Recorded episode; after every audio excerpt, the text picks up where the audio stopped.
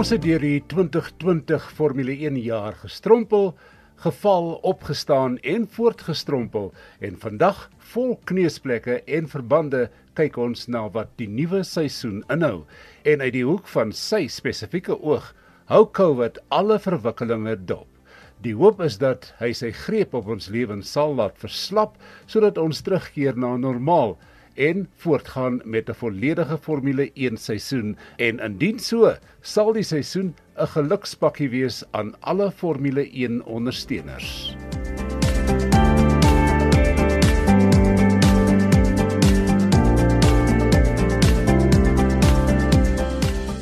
Die nuwe regulasies sou die jaar in werking tree, maar een van die nagevolge van COVID is dat die nuwe regulasies op ys gesit is tot volgende jaar 2022. Ons gaan dus voort met dieselfde regulasies van 2020 wat beteken soortgelyke motors en engines as in 2020 met 'n nuwe span wat tot die sport toetree. Wel nie 'n naam en voorkoms, maar die pink van Racing Point word vervang met die groen van Aston Martin. Renault word Alpine Racing en 'n paar renjaars skuif rond en 'n paar verdwyn uit die prentjie, maar ons kan beslis die volgende op die agenda skryf. 2021 bedien jou met die grootste wedrenkalender in die geskiedenis van die sport. Ons het nuwe bane in 2020 beleef soos Portimao, Mugello en die buitebaan van Bahrein, sowel as die terugkeer na die Nürburgring Istanbul Park en Italië se Imola, maar van jaar se terugkeer na die Zandvoortbaan van die Nederlandse Grand Prix op 5 September is beslis 'n hoogtepunt. Dis die eerste keer sedert 1985 dat Formule 1 die Nederlandse duinlandskap gaan aandurf op 'n nuwe baan met 'n regte 18 grade skuinshelling op die Tarzan draai, 'n malle baan wat rol tussen die duine ou skoolstyl, klassiek en vinnig, een om na uit te sien. En dan nog 'n nuwe baan wat die oog vang, is die Jeddah straatbaan in Saudi-Arabië in die 22ste van 23 Grand Prix wat vanjaar aangebied gaan word. Tweedens, nuwelinge vanjaar is Fernando Alonso, Mick Schumacher, Nikita Mazepin en Yuki Tsunoda. Maar wat is die implikasies daarvan?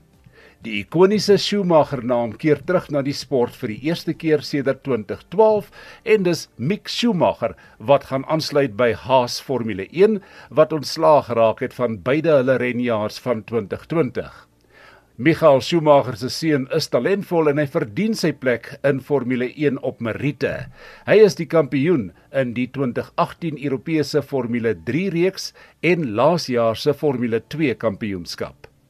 Een van die trekpleisters van Formule 1, Fernando Alonso, maak sy verrassende terugkeer en vervang Daniel Ricciardo by Renault wat van nou af bekend staan as Alpine Racing. Alonso het sy tweede wêreldkampioenskap met die span gewen in 2005 en 2006.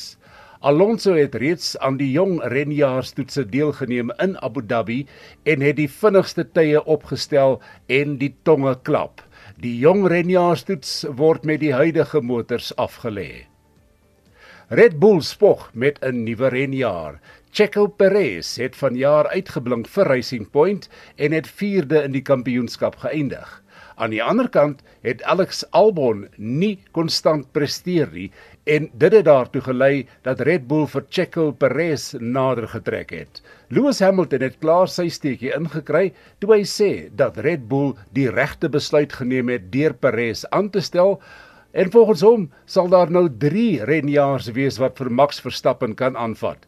Dis hy, Bottas en Perez. Dit maak nie sin vir my nie omdat Max nie eintlik kompetisie vir die Mercedes was nie behalwe vir die laaste paar Grand Prix spesifiek die laaste een. Volgens my wou Lewis maar net 'n steekie inkry na Alonso want hy het verder uitgebrei na sy jare by McLaren toe die tweede motor en dis die een van Alonso hom nie genoeg kompetisie gebied het nie. Maar dis maar Hamilton se persoonlikheid. Ons sal maar moet sien of Alpine hulle opkoms in 2021 kan voortsit. Red Bull is in elk geval so bietjie die klits kwyt wat Verstappen en sy geskikte spanmaat betref.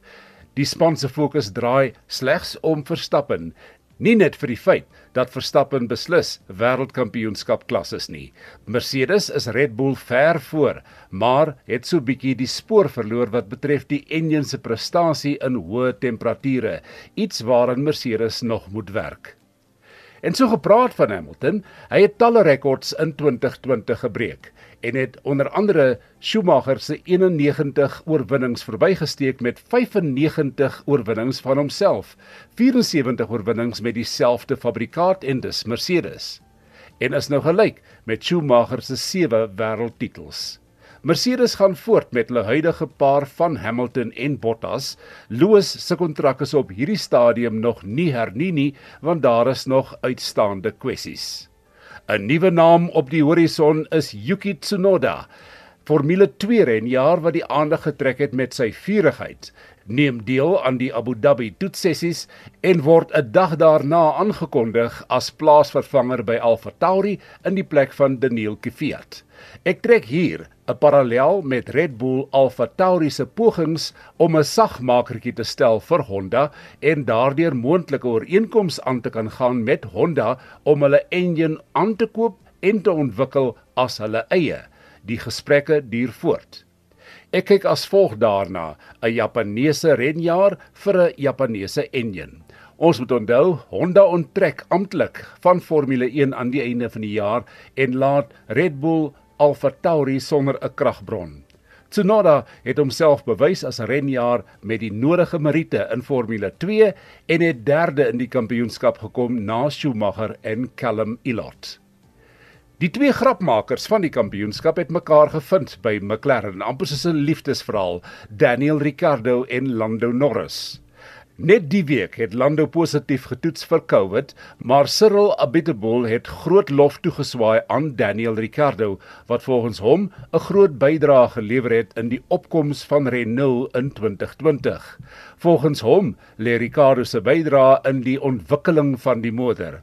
Hierdie twee is Formule 1 se vriendelikste span en sal nog sorg vir baie pret van jaar. Iets wat nie baie gewoon is by die sport nie weens die mededingendheid tussen renjaars. McLaren, net soos Racing Point en Renault, het groot opgang gemaak en ons behoort die opgang verder te sien in 2021. Ferrari daarenteen het sy swakste jaar beleef, 6de in die kampioenskap, hulle laagste posisie sedert 1980.